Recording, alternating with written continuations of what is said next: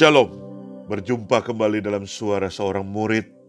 Hari ini diambil dari Gema, dari 1 Samuel 14 ayat 1 sampai 23. Tetapi kita hanya akan melihat beberapa uh, bagian. Sebelum kita membaca Alkitab, mari kita berdoa.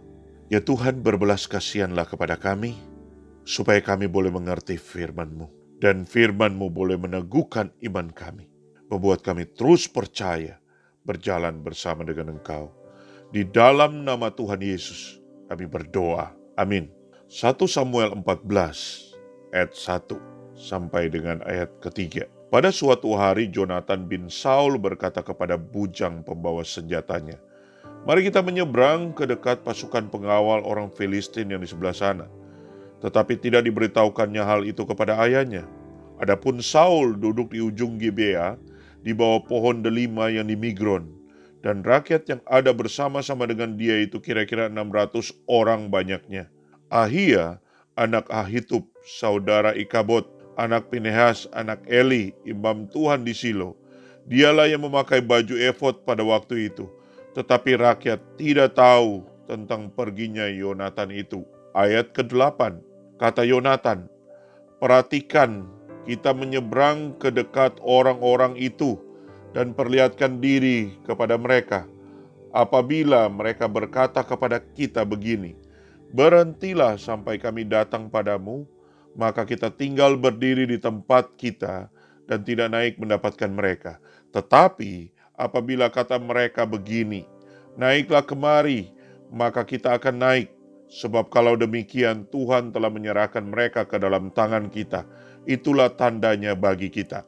Ketika mereka keduanya memperlihatkan diri kepada pasukan pengawal orang Filistin, berkatalah orang Filistin itu, Lihat, orang-orang Ibrani keluar di lubang-lubang tempat mereka bersembunyi. Orang-orang dari pasukan pengawal itu berseru kepada Yonatan dan pembawa senjatanya, katanya, Naiklah kemari, maka kami akan menghajar kamu. Lalu kata Yonatan kepada pembawa senjatanya, Naiklah, mengikuti aku sebab Tuhan telah menyerahkan mereka ke dalam tangan orang Israel. Maka naiklah Yonatan merangkak ke atas dengan diikuti oleh pembawa senjatanya. Orang-orang itu tewas terparang oleh Yonatan, sedang pembawa senjatanya membunuh mereka dari belakangnya. Kekalahan yang pertama kali ini yang ditimbulkan Yonatan dan pembawa senjatanya itu besarnya kira-kira 20 orang dalam jarak kira-kira setengah alur dari sepembajakan ladang. Lalu timbullah kegentaran di perkemahan, di padang dan di antara seluruh rakyat. Juga pasukan pengawal dan penjara-penjara itu gentar, dan bumi gemetar sehingga menjadi kegentaran yang dari Allah. Sampai di sana pembacaan firman Tuhan. Percaya atau beriman kepada Tuhan bukanlah sekedar perkataan atau perasaan, tetapi selalu mencakup tindakan nyata sebagai bukti dari iman. Di dalam kisah yang kita baca, dalam bacaan Alkitab hari ini, kita melihat adanya perbedaan yang jelas antara Yonatan dan Saul. Yonatan yang beriman kepada Tuhan pergi ke tempat orang Filistin. Ayat 1 Nah hal ini ia lakukan meskipun kondisi terlihat tidak memungkinkan bagi orang Israel untuk menang atas orang Filistin. Di pasal sebelumnya tercatat betapa sederhananya peralatan perang yang dimiliki oleh bangsa Israel karena mereka tidak bisa membuat peralatan dari besi. Sebaliknya, peralatan perang orang Filistin jauh melebihi orang Israel. Menurut perhitungan manusia, mustahil orang Israel bisa mengalahkan orang Filistin. Namun, ada hal yang sangat menarik sebetulnya dalam bagian ini yang kita bisa melihat dari keseluruhan pasal ini. Oleh karena terjadi suatu kontras antara Yonatan dengan Saul yang adalah seorang raja. Yang pertama, Yonatan pergi untuk mencari kehendak Tuhan. Yonatan pergi. Yonatan berinisiatif untuk mencari kehendak Tuhan dia aktif. Sedangkan Saul dikatakan, Saul hanya duduk di bawah pohon. Dia tidak aktif, dia pasif. Dia tidak ada inisiatif untuk mencari kehendak Tuhan, padahal mereka saat itu sedang ada dalam peperangan. Yang kedua, Jonathan berdoa supaya Tuhan menyatakan kehendaknya. melalui respon orang Filistin. Dalam 1 Samuel 14 ayat 9 10, Jonathan berkata kepada bujangnya, "Apabila kata mereka kepada kita begini, berhentilah sampai kami datang padamu, maka kita tinggal berdiri di tempat kita dan tidak naik mendapatkan mereka. Tetapi apabila kata mereka begini, naiklah kemari, maka kita akan naik. Sebab kalau demikian, Tuhan telah menyerahkan mereka ke dalam tangan kita. Itulah tandanya bagi kita. Dengan bacaan ini kita melihat bahwa Yonatan menjalin relasi pribadi dengan Tuhan. Saya percaya Yonatan berdoa terlebih dahulu. Sehingga dia mempunyai keberanian seperti ini dan dia bisa tahu kalau jawaban seperti ini kita diam, tinggal. Kalau jawabannya seperti ini, kita harus naik bahwa Tuhan sudah menyerahkan mereka. Sedangkan kalau kita melihat Saul, Saul itu membawa imam yang memakai baju efod. Sedangkan Saul membawa imam yang memakai baju efod. Namun Saul tidak bertanya. Saul tidak berdoa kepada Tuhan apa yang harus dia, ber, dia lakukan.